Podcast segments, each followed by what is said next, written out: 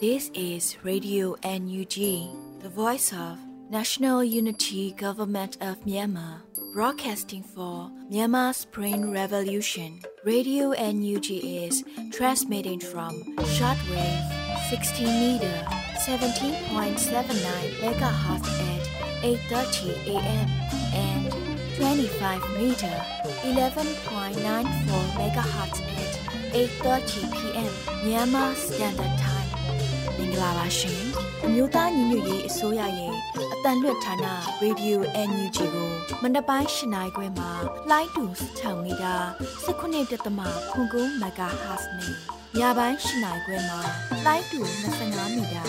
17.3ကိုလီမဂါဟတ်စ်တို့မှာဓာတ်ရိုက်ဖမ်းယူနားဆင်နိုင်ပါပြီရှင်။မင်္ဂလာအပေါင်းနဲ့ပြည့်စုံကြပါစေ။အခုချိန်ကစပြီး Radio NUG စီစဉ်လေးကိုဓာတ်ရိုက်အတန်လွှင့်ပေးနေပါပြီ မင်္ဂလာပါခင်ဗျာကျမ်းမာရှင်လန်းတဲ့မနေ့ခင်းတစ်ခုကိုအစပြုနိုင်ကြပါစေကြောင်းဗီဒီယို UNG ဝိုင်းတော်သားများကဆုတောင်းမေတ္တာပို့သအပ်ပါတယ်ဗီဒီယို UNG ရဲ့အောက်တိုဘာလ24ရက်မနေ့ခင်းအစီအစဉ်တွေထုတ်လွှင့်ဖို့အချိန်ကြာလာပါပြီကျွန်တော်ကတော့လွတ်လပ်နေဦးပါအခုချိန်ကစပြီးကာကွယ်ရေးဝန်ကြီးဌာနရဲ့စစ်ရေးသတင်းအကျဉ်းချုပ်တွေကိုຫນွေဦးအလင်္ကာကဖတ်ကြားထားတာနားဆင်ရပါတော့မယ်ခင်ဗျာ ကာကွယ်ဝင်ကြီးဌာနအမျိုးသားညီညွတ်ရေးဆိုရမှာအောက်တိုဘာလ23ရက်နေ့2022ခုနှစ်ထုတ်ဝေတဲ့စီရေးသတင်းချင်းချုပ်ကိုတင်ဆက်ပေးတော့မှာဖြစ်ပါတယ်။စစ်ကောင်စီတပ်သားတရားရရှိမှုနဲ့တေဆုံးမှုအနေအထားကိုစုံစမ်းစစ်ဆေးနေဆဲဖြစ်ကြောင်းသတင်းရရှိပါရခင်ဗျာ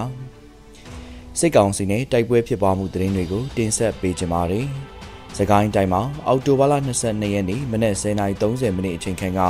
ကမ်ဘလူမြို့နယ်မင်းကုန်းခါကြေးရွာ မူတရာမှာစစ်ဆေးနေတဲ့ပြူစောတိဆဲဦးကို KBUUG မြေပြင်လှုပ်ရှားနေအောင်များကမ်ဘလူတောင်ချန်လူကယ်ပကဖအဖွဲ့များ MPFU 18 ပူးပေါင်းအဖွဲ့များမှာ drone နဲ့ဘုံသီးချပစ်ခတ်တိုက်ခိုက်ခဲ့ကြောင်းသတင်းရရှိပါရခင်ဗျာ AR တိုင်းမှာအောက်တိုဘာလ22ရက်နေ့မနက်9:00နာရီခန့်ကညောင်မြခရိုင်ဝါခေမာမြို့ရွှေလောင်းတိုက်နယ်ရဲစခန်းကို AR Dolphins Pivot Defense Force AR လင်းပိုင်ပြည်သူ့ကာကွယ်ရေးဖွဲ့ ညောင်မြခရိုင်ပြည်သူ့ကာကွယ်ရေးတပ်ဖွဲ့နဲ့ဝါခေမာပကဖာတို့ပူးပေါင်းက AR တိုင်းစစ်ဒေသခွဲရဲ့နန်းထိုက်အောင်စစ်စေးရေးအဖြစ်ရှော့တိုက်တုံးနဲ့ပြစ်ခတ်တိုက်ခိုက်ခဲ့ကြောင်းသတင်းရရှိပါရခင်ဗျာဆက်လက်ပြီးစစ်ကောင်စီကကျူးလွန်တဲ့ရာဇဝတ်မှုတွေကိုတင်ဆက်ပေးကြပါမယ်ရှမ်းပြည်နယ်မှာအော်တိုဘာလ22ရက်နေ့မနက်၈နာရီခန့်ကရွာငံမြို့နယ်ကျောင်းငှက်ကျွာမြောက်ကုန်းရှိဒေါ်ဖွားနွေရဲ့နေအိမ်ကိုပြူစောထီနဲ့စစ်ကောင်စီတပ်သားများမှလက်နက်ကြီးနဲ့ ပြစ်ခတ်ဖျက်ဆီးခဲ့ပြီးမိတင်ရှုခဲ့ကြောင်းသတင်းရရှိပါရခင်ဗျာ။စကိုင်းတိုင်းမှာအော်တိုဘာလ22ရက်နေ့ကဝက်လက်မြို့နယ်ဟန်လင်းကျွာသို့ဝင်ရောက်ခဲ့တဲ့စစ်ကောင်စီများကလက်နက်ကြီးများနဲ့လေးချက်ပစ်ခတ်ခဲ့ရာပြက်တက်ကြီးဖျားတဲ့သူကြားရောက်ခဲ့ပြီးအစာဦးတလုံးပျက်စီးခဲ့ကရက်တော်မူဖျားပေါ်သို့လက်နက်ကြီးထိမှန်ခဲ့တဲ့အတွက်ကြောင့်ပျက်စီးမှုများများပြားခဲ့ကြောင်းသတင်းရရှိပါရခင်ဗျာ။ အောက်တိုဘာလ22ရက်နေ့ကမြောင်မြို့နယ်ရွှေပေါက်ပင်ကျွော်သူစစ်ကောင်စီတပ်သား86ဦးက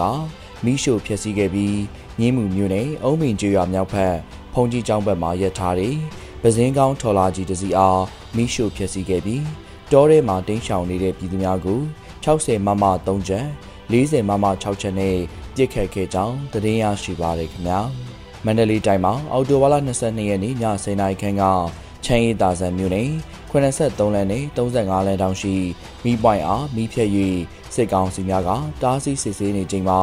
ဖြတ်တန်းမောင်းနှင်သွားတဲ့ကားစစ်ကောင်စီများမှဝိုင်းဝန်းပစ်ခတ်ခဲ့တဲ့အတွက်ကြောင့်ရင်မောင်းတိဆုံသွားခဲ့ပြီးကားမှာလမ်းဘေးရင်တေးရုံတို့ဝင်တိုက်ခဲ့ပြီးရက်တန့်သွားခဲ့ကြောင်းသတင်းရရှိပါရခင်ဗျာရန်ကုန်တိုင်းမှာအော်တိုဘာလ20ရက်နေ့ကကော်မှုမြို့နယ် ကော်ကြံကြီးရွာနဲ့တောင်ချောင်ကြီးရွာတို့မှာစစ်ကောင်စီတပ်ဖွဲ့များရောက်ရှိနေပြီးဥချစ်သိန်းနဲ့ဇနီးပါဝင်ရွာသားအချို့ကိုရိုက်နှက်ခဲ့၍အိမ်ရှိဆိုင်ကယ်တွဲပိများကိုလည်းရိုက်ချိုးဖျက်ဆီးခဲ့ပါတယ်။ထို့နောက်ရေတာရှိညောင်ထောက်ကြီးရွာနဲ့ငှက်အော်ဆန်းတို့မှရာဘာဆေးချစ်သူများကို၎င်းတို့ထောက်ခံစာမပါပါကလောက်ခွင့်မပြုဟုပိတ်ပင်တားမြစ်ခဲ့ကြောင်းသတင်းရရှိပါရခင်ဗျာ။တနင်္လာရီတိုင်းမှာအော်တိုဘာလ22ရက်နေ့မနက်10:42မိနစ်အချိန်ခန့်က တရက်ချောင်းမြို့နယ်အောက်တရချောင်းရွာတဲသို့စစ်ကောင်စီတပ်သားတရားခန့်ရေလန်းနဲ့ကုန်းလန်းနှစ်ဖက်စလုံးကဝင်ရောက်ပစ်ခတ်ခဲ့ပြီးနေအိမ်တချို့ကိုမိရှို့ခဲ့ကပြည်သူတူကိုပြစ်တက်သွားခဲ့ကြောင်းသတင်းရရှိပါရခင်ဗျာအောက်တိုဘာလ22ရက်နေ့မနက်9:48မိနစ်အချိန်ခန့်ကတရဲချောင်းမြို့နယ်မှာစစ်ကောင်စီတပ်သားများကကြောက်ဖြူရွာမှရွာသား၃ဦးကိုခေါ်ဆောင်သွားခဲ့ကြောင်းသတင်းရရှိပါရခင်ဗျာ အောက်တိုဘာလ22ရက်နေ့ညနေ4နာရီခန့်ကလောင်းလုံးမြို့နယ်နှင်းမော်ရွာသို့စစ်ကောင်စီက9စီးရောက်ရှိနေပြီးစစ်ကောင်စီများမှရွာထဲသို့ပတ်ခါအိမ်အောင်စုစစ်ဆေးခြင်းနေအိမ်တချို့ကို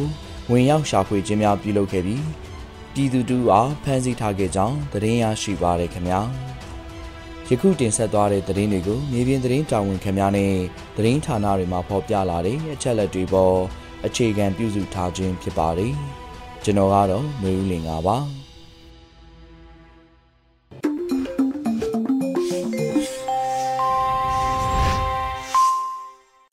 ရေဒီယို UNG ကဆက်လက်အသံလွှင့်နေပါတယ်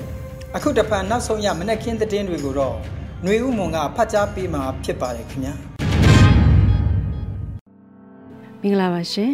2022ခုနှစ်အောက်တိုဘာလ24ရက်မနက်ခင်းပြည်တွင်သတင်းတွေကိုတင်ပြပေးသွားမှာပဲဖြစ်ပါတယ်ကျွန်မကတော့ຫນွေဦးမွန်ပါ မြို့သားညီညွတ်ရေးအစိုးရဂျာကာလဒေသန္တရာပြည်သူ့အုပ်ချုပ်ရေးဖော်ဆောင်မှုဗဟိုကော်မတီနဲ့ထူးအုပ်ချုပ်ရေးဒေသပြည်သူ့အုပ်ချုပ်ရေးအဖွဲ့များတွဲဆုံဆွေးနွေးတဲ့ဆိုတဲ့သတင်းကိုဦးစွာတင်ပြပေးပါမယ်။မြို့သားညီညွတ်ရေးအစိုးရဂျာကာလဒေသန္တရပြည်သူ့အုပ်ချုပ်ရေးဖော်ဆောင်မှုဗဟိုကော်မတီနဲ့အထူးအုပ်ချုပ်ရေးဒေသပြည်သူ့အုပ်ချုပ်ရေးအဖွဲ့များတွဲဆုံဆွေးနွေးခဲ့ကြပါတယ်။အောက်တိုဘာ23ရက်မြို့သားညီညွတ်ရေးအစိုးရဂျာကာလဒေသန္တရပြည်သူ့အုပ်ချုပ်ရေးဖော်ဆောင်မှုဗဟိုကော်မတီနဲ့ထူးအုပ်ချုပ်ရေးဒေသပြည်သူ့အုပ်ချုပ်ရေးအဖွဲ့များတွဲဆုံဆွေးနွေးတဲ့အစည်းအဝေးကိုကျင်းပခဲ့ပါတယ်။ စည်းဝေးကိုဂျာကာလဒေသနာပြည်သူ့အုပ်ချုပ်ရေးဖော်ဆောင်မှုဗဟိုကော်မတီအဖွဲ့ဝင်လူသားချင်းစာနာထောက်ထားရေးနှင့်ဘေးအန္တရာယ်ဆိုင်ရာစီမံခန့်ခွဲဝန်ကြီးဌာနပြည်ထောင်စုဝန်ကြီးဒေါက်တာဝင်းမြတ်အေးမှအဖွင့်အမစကားပြောကြားခဲ့ပြီးအထူးအုပ်ချုပ်ရေးဒေသအတွင်းဗန္နာရေးလျှက်စစ်ဆက်သွယ်ရေးအခွန်ကောက်ခံမှုကာကွယ်ရေးကျန်းမာရေးပညာရေးတရားစီရင်ရေးတရားစာတနှင့်တဘာဝပတ်ဝန်းကျင်ထိန်းသိမ်းရေးအပါအဝင်ကဏ္ဍလိုက်လုပ်ငန်းဆောင်ရွက်ထားရှိမှုများကိုဌာနဆိုင်ရာများမှရှင်းလင်းဆွေးနွေးခဲ့ပြီး ထူအုပ်ချုပ်ရေးဒေသပြည်သူ့အုပ်ချုပ်ရေးဖွဲ့များမှမြေပြင်ကြုံတွေ့နေရတဲ့အခက်အခဲများနဲ့သိရှိလိုသည့်များကိုအပြန်အလှန်ဆွေးနွေးခဲ့ကြပါတယ်။အဲဒီနောက်ပညာရေးကျန်းမာရေးဝန်ကြီးဌာနပြည်ထောင်စုဝန်ကြီးဒေါက်တာဇော်ဝေဆိုးမှညီကုံကျုပ်စကားပြောကြားကစီဝေးကိုနေ့လယ်တနာရီအချိန်မှာရန်နာခဲ့ပါတယ်။စီဝေးကိုဒုအုပ်ချုပ်ရေးဒေသမှပြည်သူ့အုပ်ချုပ်ရေးအဖွဲ့ကောင်ဆောင်များအဖွဲ့ဝင်များနဲ့သက်ဆိုင်ရာဝန်ကြီးဌာနများမှဝန်ကြီးများဒုတိယဝန်ကြီးများအမြဲတမ်းအတွင်းဝင်များညွှန်ကြားရေးမှူးချုပ်များညွှန်ကြားရေးမှူးများတက်ရောက်ကြပါတယ်ရှင်။ လူသားမျိုးနွယ်ပေါ်ကျူးလွန်တဲ့ရာဇဝတ်မှုအတွက်စစ်တပ်ကတာဝန်ရှိသူများနေမြေပိုင်နက်သို့လာရောက်ပါကတရားစွဲပေးရေးသက်ဆိုင်ရာအစိုးရများသို့တိုက်တွန်းပေးရန် IPU မှုဆောင်ကောင်စီအစည်းအဝေးကတောင်းဆိုတဲ့သတင်းကိုဆက်လက်တင်ပြပေးကြပါမယ်။လူသားမျိုးနွယ်ပေါ်ကျူးလွန်တဲ့ရာဇဝတ်မှုအတွက်စစ်တပ်ကတာဝန်ရှိသူများနေမြေပိုင်နက်သို့လာရောက်ပါကတရားစွဲပေးရေးသက်ဆိုင်ရာအစိုးရများသို့တိုက်တွန်းပေးရန် IPU မှုဆောင်ကောင်စီအစည်းအဝေးကတောင်းဆိုလိုက်ပါတယ်။ အော်တိုဘာ23ရက်မှာအဆိုပါသတင်းကို CRPH ပြည်အောင်စုလွှတ်တော်ကိုစားပြုကော်မတီကဖော်ပြပါတယ်။နိုင်ငံတကာရာဇဝတ်မှုများအတွက်တာဝန်ရှိသူများကိုရာဇဝတ်မှုဆိုင်ရာတရားစီရင်ခြင်းကိုကျင့်သုံးရန်သည်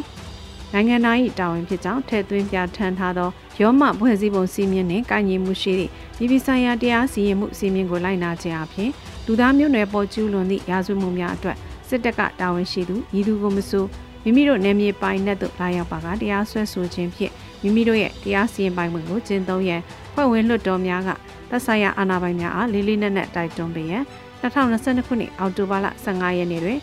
ရဝန္နာနိုင်ငံမှာကျင်းပတဲ့210အကြိမ်မြောက်နိုင်ငံတကာပါလီမန်များအဖွဲ့၏အမှုဆောင်ကောင်စီအစည်းအဝေးကတောင်းဆိုခဲ့တယ်လို့ဖော်ပြပါရယ်။ယင်းအစည်းအဝေးကလွှတ်တော်ကိုယ်စားလှယ်များရဲ့လူခွင့်ရေးချိုးဖောက်မှုဆိုင်ရာကော်မတီ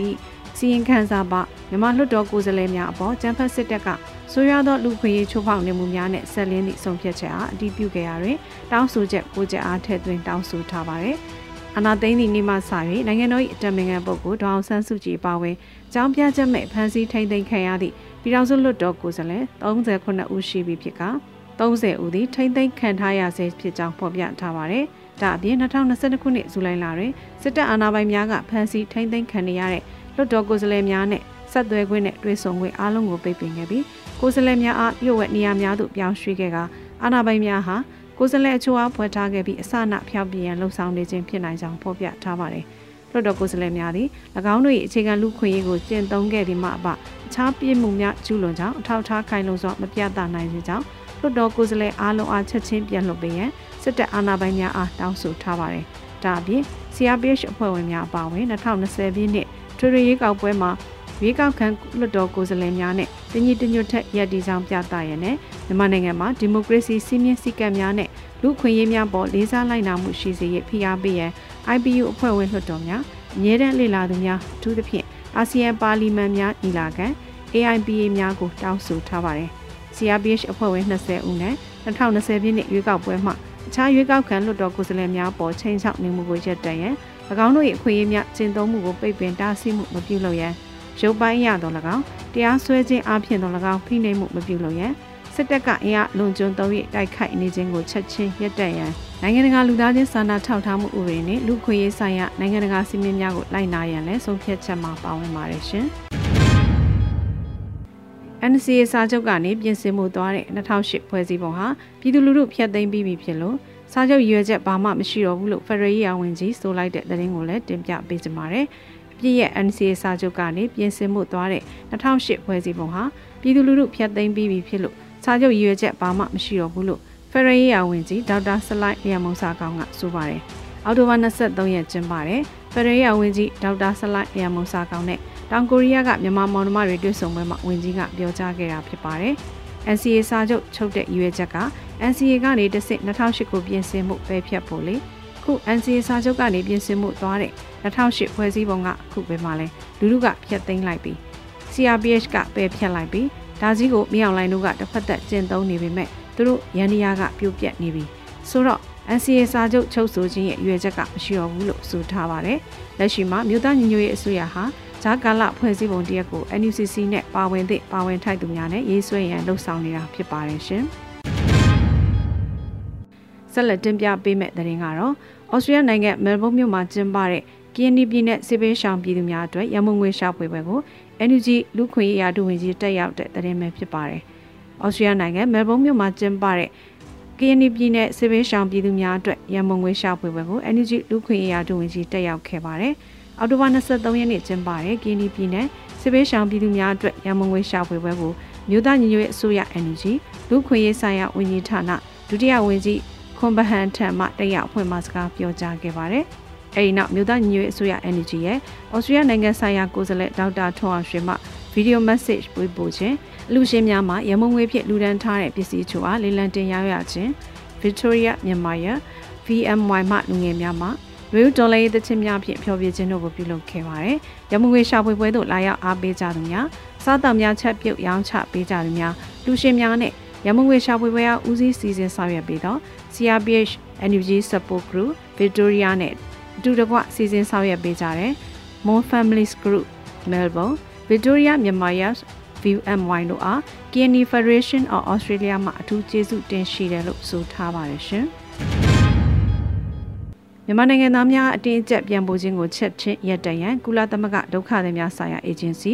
UNHCR ထုတ်ပြန်တဲ့သတင်းကိုတင်ပြပေးပါမယ်။မြန်မာနိုင်ငံသားများအားအတင်းအကျပ်ပြန်ပို့ခြင်းကိုချက်ချင်းရပ်တန့်ရန်ကုလသမဂ္ဂဒုက္ခသည်များဆိုင်ရာအေဂျင်စီ UNHCR ကထုတ်ပြန်လိုက်ပါတယ်။အောက်တိုဘာလအတွင်းမှာကုလသမဂ္ဂဒုက္ခသည်များဆိုင်ရာအေဂျင်စီ UNHCR ကအတည်ပြုခဲ့ပါတယ်။ကုလသမဂ္ဂဒုက္ခသည်များဆိုင်ရာအေဂျင်စီ UNHCR ဟာပြင်းထန်သောအန္တရာယ်မှဘေးကင်းရန်ကြိုးပမ်းနေတဲ့မြန်မာနိုင်ငံသားများအားအတင်းအကျပ် ပြန်ပို့ခြင်းကိုချက်ချင်းရပ်တန့်ရန်ဒေသတွင်းရှိနိုင်ငံများအားရေးပေါ်ပန်ကြားထားတယ်လို့ဆိုပါတယ်။မြန်မာနိုင်ငံသားများကိုနိုင်ငံသို့ပြန်ပို့ခြင်းသည်မရေမတွက်နိုင်သောအသက်အန္တရာယ်ကိုကြားရောက်စေတယ်လို့လည်းဖော်ပြပါတယ်။မြန်မာနိုင်ငံမှထွက်ပြေးလာသူများဟာခိုလုံခွင့်တောင်းခံရနယ်မြေတွင်းသို့ဝင်ရောက်ခွင့်နဲ့ပြန်လည်နေထိုင်ခြင်းမှအကာအကွယ်ပေးရမှာဖြစ်တယ်လို့လည်းဆိုပါတယ်။နိုင်ငံရဲ့ချားမှာရှိပြီးသားမြန်မာနိုင်ငံသားတွေကိုနိုင်ငံတကာကာကွယ်ပေးဖို့တောင်းဆိုတဲ့အခါအတင်းအကျပ်ပြန်မခိုင်းသင့်ပါဘူးလို့ကုလသမဂ္ဂဒုက္ခသည်များဆိုင်ရာအေဂျင်စီ UNHCR ကဖော်ပြပါတယ်ရှင်။ နောက်ထပ်သတင်းတစ်ပုဒ်ကတော့ခလာရတစ်တပ်သားတူဖဲခုံမြို့နယ်ပြည်သူ့ကာကွယ်ရေးတပ်တရင်နှစ်ထန်းသို့အလင်းဝင်ခိုလုံလာတဲ့သတင်းဖြစ်ပါတယ်ခလာရတစ်တပ်သားတူဖဲခုံမြို့နယ်ပြည်သူ့ကာကွယ်ရေးတပ်တရင်နှစ်ထန်းသို့အလင်းဝင်ခိုလုံခဲ့ပါတယ်အောက်တိုဘာ23ရက်မနက်ပိုင်းမှာအလင်းဝင်လာရောက်ခိုလုံလာလို့ဖဲခုံမြို့နယ်ပြည်သူ့ကာကွယ်ရေးတပ်တရင်နှစ်ကအတည်ပြုပါတယ်အောက်တိုဘာ23ရက်နေ့နနက်ခလာရတစ်တပ်သားတူဖဲခုံမြို့နယ်ပြည်သူ့ကာကွယ်ရေးတပ်တရင်နှစ်ထန်းသို့စီဒီအမ်ပြုလုပ်လာခဲ့ပါတယ်ဆိုပါစီဒီအမ်တပ်သားမှာ ခမရ၄နှစ်နှစ်မိုးပြဲဆက်ရေထိန်တကတွင်ကင်းတာဝန်ကျနေစဉ်အောက်တိုဘာ22ရက်နေ့ည8နာရီအချိန်မှာထွက်ပြေးလာခဲ့ခြင်းဖြစ်ပြီးဖဲခုံမြို့နယ်ပြည်သူ့ကာကွယ်ရေးတပ်တရဲနှစ်သို့ယနေ့နေ့နဲ့ရောက်ရှိလာကကိုကြီးစောက်ရှောက်ထားပါတယ်လို့ဆိုပါတယ်။ထထပ်မံပြီးလင်းဝင်ခိုလုံလိုတဲ့စစ်ကောင်စီတပ်သားများကိုလည်းလက်နက်နဲ့တကွခိုလုံခွင့်ပြုတယ်လို့ဖဲခုံမြို့နယ်ပြည်သူ့ကာကွယ်ရေးတပ်တရင်နှစ်ကသတင်းရရှိပါရရှင်။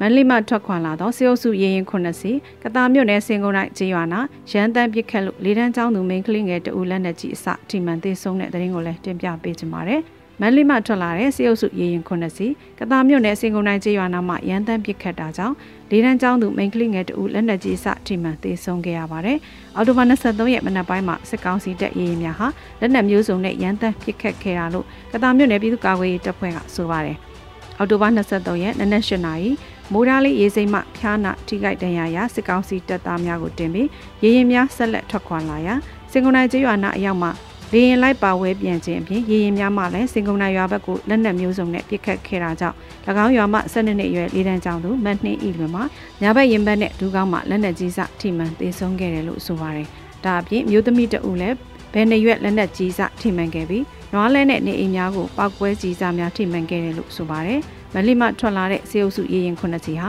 ကတားနဲ့အထက်သို့ဆက်လက်စမ်းတက်ရာကပလိတ်ကျေးရွာမှာစတင်ပြီးလက်နက်ကြီးငယ်မျိုးစုံနဲ့ပြစ်ခတ်စမ်းတက်ခဲ့ပါရရှင်။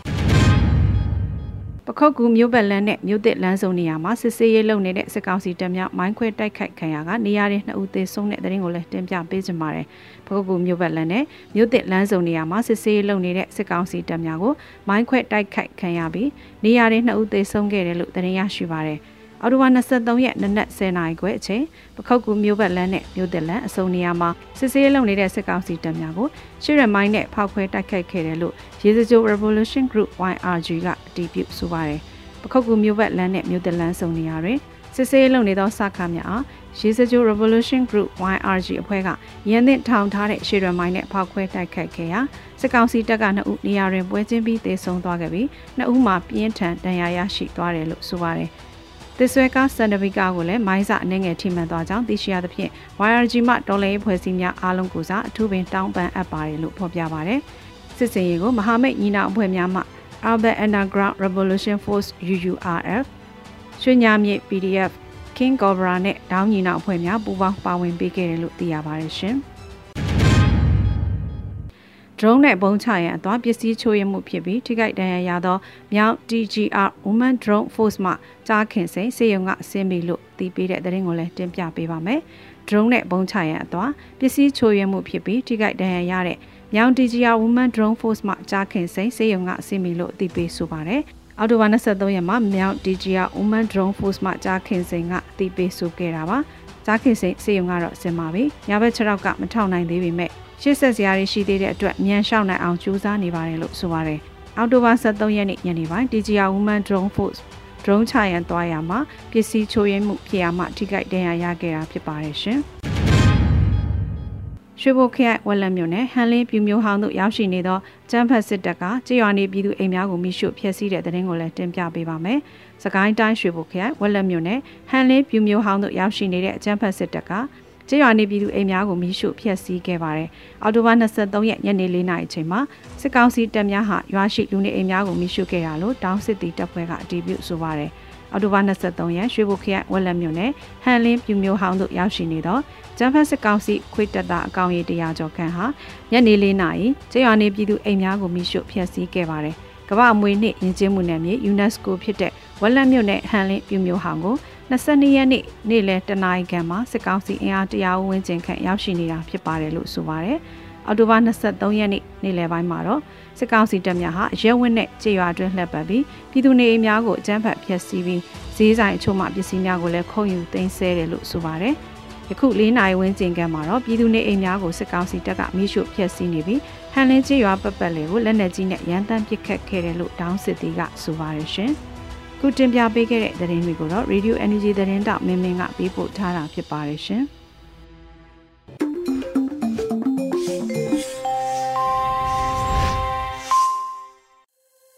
တောတာရှင်များခင်ဗျာစစ်အာဏာရှင်ကိုအမြင့်ဖြတ်ဖယ်ရှားရေးအတွက်ဝိုင်းဝန်းကြိုးပမ်းနေတဲ့ Radio NGG ဝိုင်းတော်သားများရဲ့မနက်ခင်းသတင်းတင်ဆက်မှုတွေကိုနားဆင်ခဲ့ကြတာဖြစ်ပါတယ်။ဆက်လက်ပြီးတော်လိုင်းရေးကြပြတဲ့ပုဂ္ဂိုလ်နားဆင်ရဖို့ရှိပါတယ်။မိုးညိုမြောက်ပိုင်းစစ်တီရေးသားပြီး ຫນွေဦးကိုကိုခန်းစားရွတ်ဖတ်ထားတဲ့မခင်လေးတို့တန်းချင်းတစ်ဆိုတဲ့တော်လိုင်းကြပြတဲ့ပုဂ္ဂိုလ်နားဆင်တော်မူကြပါဦးခင်ဗျာမခင်လေးတို့တန်းချင်းတစ်မခင်လေးရေဟိုးတခါဖုန်းဆက်ခဲ့တဲ့နေ့တနေ့ကပေါ့ရည်တန်တွေအစားငိုတန်တွေပဲကြားနေရတယ်လို့ပါပဲဗျာရင်ထဲမှာဟာတာတာနဲ့တနှစ်တောင်ပြည့်တော့မှမခင်လေးရေ ခမည်းပါးပြင်ပေါ်ကတနခါပကွက်ကြားထူထူကြီးတွေမမြင်ရတာလဲကြာလှပေါ်မခင်လေးရေမလွမ်းဘူးမထင်လေနဲ့ကျုပ်ကခမည်းထက်တောင်ပိုလို့လွမ်းတတ်သေးတာဗျနှစ်ဘဝစာတောင်လွမ်းနေရသူပါမခင်လေးရေတဘဝကကျုပ်ကိုမွေးဖွားပေးခဲ့တဲ့ဘဝနောက်တဘဝကထွက်သက်အချိန်ထိကျုပ်ကောင်းချခဲ့မယ်ခမည်းရင်ခွင်မယ်မခင်လေးရေတခါတခါခမည်းဆိုခဲ့ဘူးတဲ့ ငါနင့်ကိုမယုံချင်တော့ဘူးတဲ့ထားပါလေကျုပ်ခမည်းနဲ့အငင်းမပြိုင်လို့ဘူးကျုပ်တေကံမပါခဲ့ရင်တော့ကျုပ်ကောင်းခုအိတ်တဲ့စာအုပ်တွေထဲမှာခမည်းအကြောင်းနဲ့အလွမ်းတွေကြီးပဲဗျမျက်ရည်တွေတော့အစ်စ်ပါသေးမခင်လေးရဲ့ကျုပ်လေကျုပ်ရင်ဘတ်ကြီးနဲ့ဖတ်တွယ်မိတာဆိုလို့ကျုပ်လွယ်ထားတဲ့ဟော်ရီတနတ်နဲ့ခမည်းဆိုတဲ့မခင်လေးပဲရှိတာ ကြည်စံဘုံစံအတန်တွေထက်ကျုပ်ခမည်းကိုလွမ်းလို့တောက်တစ်ချက်ခောက်တန်ကတတော်လုံးတထောင်လုံးတုတ်ခါစေတတ်တယ်ဆိုတာမခင်လေးတယောက်သိပါလေစားကဲပါလေအိမ်ရှိကတပြေပင်ကိုရီလောင်းလိုက်ပါအောင်မခင်လေးရေမုံညိုမြောက်ပိုင်းစစ်သည်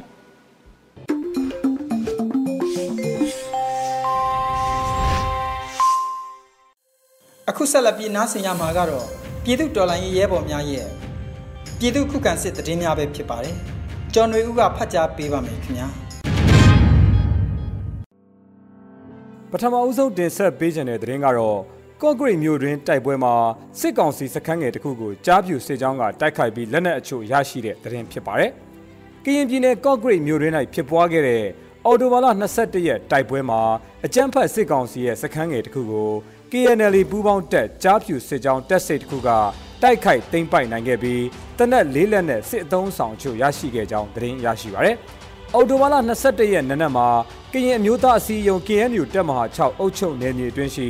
ကော့ဂရိတ်မြို့စစ်ကောင်စီတပ်ဖွဲ့များကိုကော်တူးလေအာမီမှဗိုလ်အဲဆေးဝါဦးဆောင်သော Lion Battalion နဲ့ဗိုလ်ကျော်သက်ဦးဆောင်တဲ့ KNL ပူးပေါင်းတပ်ဖွဲ့များကဝင်ရောက်တိုက်ခိုက်ခဲ့ခြင်းဖြစ်ပြီးတိုက်ပွဲဟာ၈နာရီကျော်ကြာမြင့်ခဲ့ပါတယ်။ အဆိုပါတိုက်ပွဲမှာစစ်တပ်ဘက်မှအနည်းဆုံး20ဦးသေဆုံးခဲ့ပြီးအထိနာတာကြောင့်စစ်ကောင်စီကလေကြောင်းမှအကြိမ်ရေ90ကျော်ပစ်ခတ်တိုက်ခိုက်ခဲ့ပါတယ်။မိုးမောက်မှာစစ်တပ်စစ်ကြောင်း၃ကြောင်းတပြိုင်တည်းတိုက်ခိုက်ခံရပြီးထိခိုက်ဒေဆုံးမှုများပြားတဲ့တဲ့ရင်ကိုဆက်လက်တင်ဆက်ပါမယ်။ကချင်ပြည်နယ်မိုးမောက်မြို့နယ်မှာအကြမ်းဖက်စစ်တပ်ရဲ့စစ်ကြောင်း၃ကြောင်းတပြိုင်တည်းတိုက်ခိုက်ခံရပြီးထိခိုက်ဒေဆုံးမှုများပြားကြောင်းဒေသခံများထံမှသိရပါဗျ။ ဗမော်ခရိုင်မိုးမောက်မြို့မှာတက်ဆွဲထားတဲ့အကြမ်းဖက်စစ်တပ်ခမာယ43ခွန်တပ်ရင်းမှ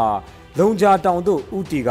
ကချင်လွတ်မြောက်ရေးတပ်မတော် KIA တပ်မဟာ3ထိန်းချုပ်နယ်မြေတွင်စစ်ကြောင်း၃ကြောင်းဖြင့်ထိုးစစ်ဆင်းလာတဲ့စစ်ကြောင်းကိုအော်တိုဘာလ22ရက်နေ့မွန်လွယ်12နာရီခန့်မှာ KIA တပ်ဖွဲ့များကတပြိုင်တည်းတိုက်ခိုက်ခဲ့ကြောင်းသိရပါဗျ။အကြမ်းဖက်စစ်တပ်စစ်ကြောင်း၃ကြောင်းကို ကချင်လွတ်မြောက်ရေးတပ်မတော် KIA တပ်မဟာ3အမှတ်15တပ်ရင်းတပ်ဖွဲ့များကတိုက်ခိုက်ခဲ့ပြီးစစ်တပ်ဖက်မှထိခိုက်ဒေဆုံးမှုများပြားကြောင်းသိရပါဗျ။အကြမ်းဖက်စစ်တပ်ဖက်မှထိခိုက်ဒေဆုံးမှုများပြားခဲ့တာကြောင့်မြစ်ကြီးနားမြို့မြောက်ပိုင်းတိုင်းစစ်ဌာနချုပ်မပခမှတိုက်လေရင်များလက်နက်ကြီးများဖြင့်ညနေပိုင်းနဲ့ညပိုင်းမှာရန်တမ်းပစ်ခတ်ခြင်းများပြုလုပ်နေကြောင်းသိရပါဗျ။ဆက်လက်တင်ဆက်မှာကတော့မြောက်ရီမှာတိုက်ပွဲဖြစ်ပွားပြီးစစ်တပ်ဖက်မှ၄ဦးသေဆုံးတဲ့တဲ့မှာ ကရင်ပြည်နယ်မြောက်ရီမြို့နယ်အတွင်းတိုက်ပွဲများဖြစ်ပွားနေပြီးစစ်တပ်ဖက်မှ၄ဦးသေဆုံးကြောင်းကော်ဘရာစစ်ကြောင်းထံမှသိရပါဗျ။အကြမ်းဖက်စစ်တပ်ရဲ့တပ်မ44လူခုတ်ညောင်ချောင်းနဲ့စုံစည်းမြိုင်တို့မှ120မမလက်နက်ကြီးဖြင့် KNL တပ်ရင်း20ခွန်ကော်ဘရာစစ်ကြောင်းနဲ့တက်မာစစ်ကြောင်းတက်ခွဲနှစ်ကိုအော်တိုဘာလ22ရက်နေ့နနက်9:30မိနစ်မှညနေပိုင်းအထိနှစ်ဖက်ညက်ခါပြစ်ခတ်တိုက်ခိုက်ခဲ့ပြီးတိုက်ပွဲဖြစ်ပွားခဲ့ကြောင်းသိရပါဗျ။ တိုက်ပွဲအတွင်းအကြမ်းဖက်စစ်တပ်တပ်မ44ဘက်မှစစ်သား4ဦးသေဆုံးပြီး KNL တပ်ရင်း20ခွန်ကော်ဘရာစစ်ကြောင်းနဲ့တပ်မဟာစစ်ကြောင်းတက်ခွဲနှစ်ဘက်မှထိခိုက်ဒဏ်ရာရရှိသူမရှိကြောင်းကော်ဘရာစစ်ကြောင်းကထုတ်ပြန်ထားပါတယ်။နောက်ဆုံးအနေနဲ့မတရားမှာအကြမ်းဖက်စစ်ကြောင်းမိုင်းခွဲခံရပြီးစစ်သား12ဦးသေဆုံးတဲ့တဲ့ရင်ကိုတင်ဆက်ပါမယ်။ မန္တလေးတိုင်းမရယာမြို့နယ်ဇီးပြူပင်ကျေးရွာနီးမှာအကြမ်းဖက်စစ်ကောင်စီတပ်ဖွဲ့ကိုဒေသကာကွယ်တပ်ဖွဲ့များကအော်တိုဘာလ22ရက်နနက်ပိုင်းမှာမိုင်းခွဲတိုက်ခိုက်ခဲ့ရာအရာရှိ2ဦးအပါအဝင်စစ်သား12ဦးသေဆုံးကြောင်းသတင်းရရှိပါရယ်။အဆိုပါစစ်ကောင်စီစစ်ကြောင်းဟာကြောက်ဆယ်လေးကျေးရွာကိုမိရှို့ဖျက်ဆီးပြီးဇီးပြူပင်ကျေးရွာကိုလက်နက်ကြီးများဖြင့်ပစ်ခတ်ဝင်ရောက်လာသောအဖွဲ့ဖြစ်ကြောင်းဒေသကာကွယ်တပ်ဖွဲ့များကအသင့်ထောင်ထားသောမိုင်းများဖြင့်ဖောက်ခွဲတိုက်ခိုက်ခဲ့ခြင်းဖြစ်ကြောင်း နတ်ဆိုးမြေအောက်တော်လှန်ရေးအဖွဲ့ကသတင်းထုတ်ပြန်ပါတယ်။တိုက်ခိုက်မှုကိုနတ်ဆိုးမြေအောက်တော်လှန်ရေးတပ်ဖွဲ့ငကားညီနောင် PDF တိုက်သိမ်းမြေအောက်တော်လှန်ရေးတပ်ဖွဲ့ဇာမနီ PDF ဒေါင်းစစ်တီ PDF MDY PDF Mongoose Squadron တို့ကပူးပေါင်းဆောင်ရွက်ခဲ့ကြောင်းသိရှိရပါတယ်ခင်ဗျာ။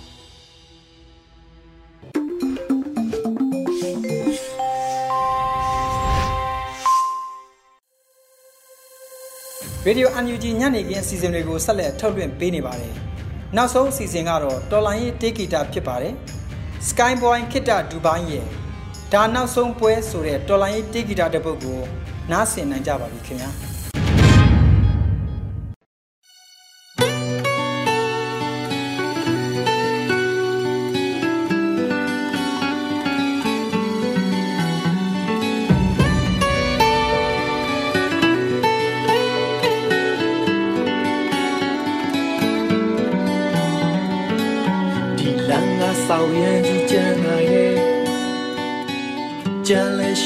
shi se pi do ma re Da nào sông quê Lu dai ha ta mai ti khu lo ye ja na be Ye lai tiền me ye ta mai ga chan ke ma be Da nào sông quê Ta bông ti cha de ta ru ma shon it ကြွေးကြတဲ့အတန်တွေမှန်တဲ့သေ ချာနေတာဟိုမှာကြောက်ပြောင်းနေပြီတို့ရှိ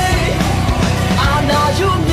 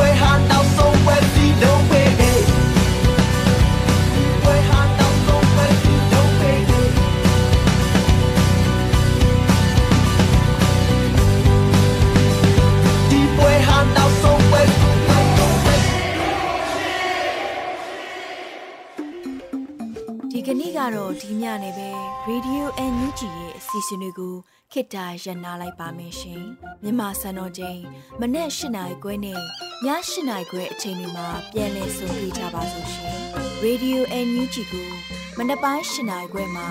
လိုင်းတူ16မီတာ19.7 MHz နဲ့ညပိုင်း၈နိုင်ခွဲမှာလိုင်းတူ25မီတာ17.6 MHz တို့မှာဓာတ်ရိုက်ဖမ်းယူနားဆင်နိုင်ပါပြီရှင်။ မြန်မာနိုင်ငံသူနိုင်ငံသားများကိုယ်စိတ်နှဖျားစမ်းမချမ်းသာလို့ဘေးကင်းလုံခြုံကြပါစေလို့ Radio NUG ရဲ့ဖွဲ့သူဖွဲ့သားများကဆုတောင်းလိုက်ရပါတယ်။ San Francisco Bay Area အခြေဆိုင်မြမမိသားစုများ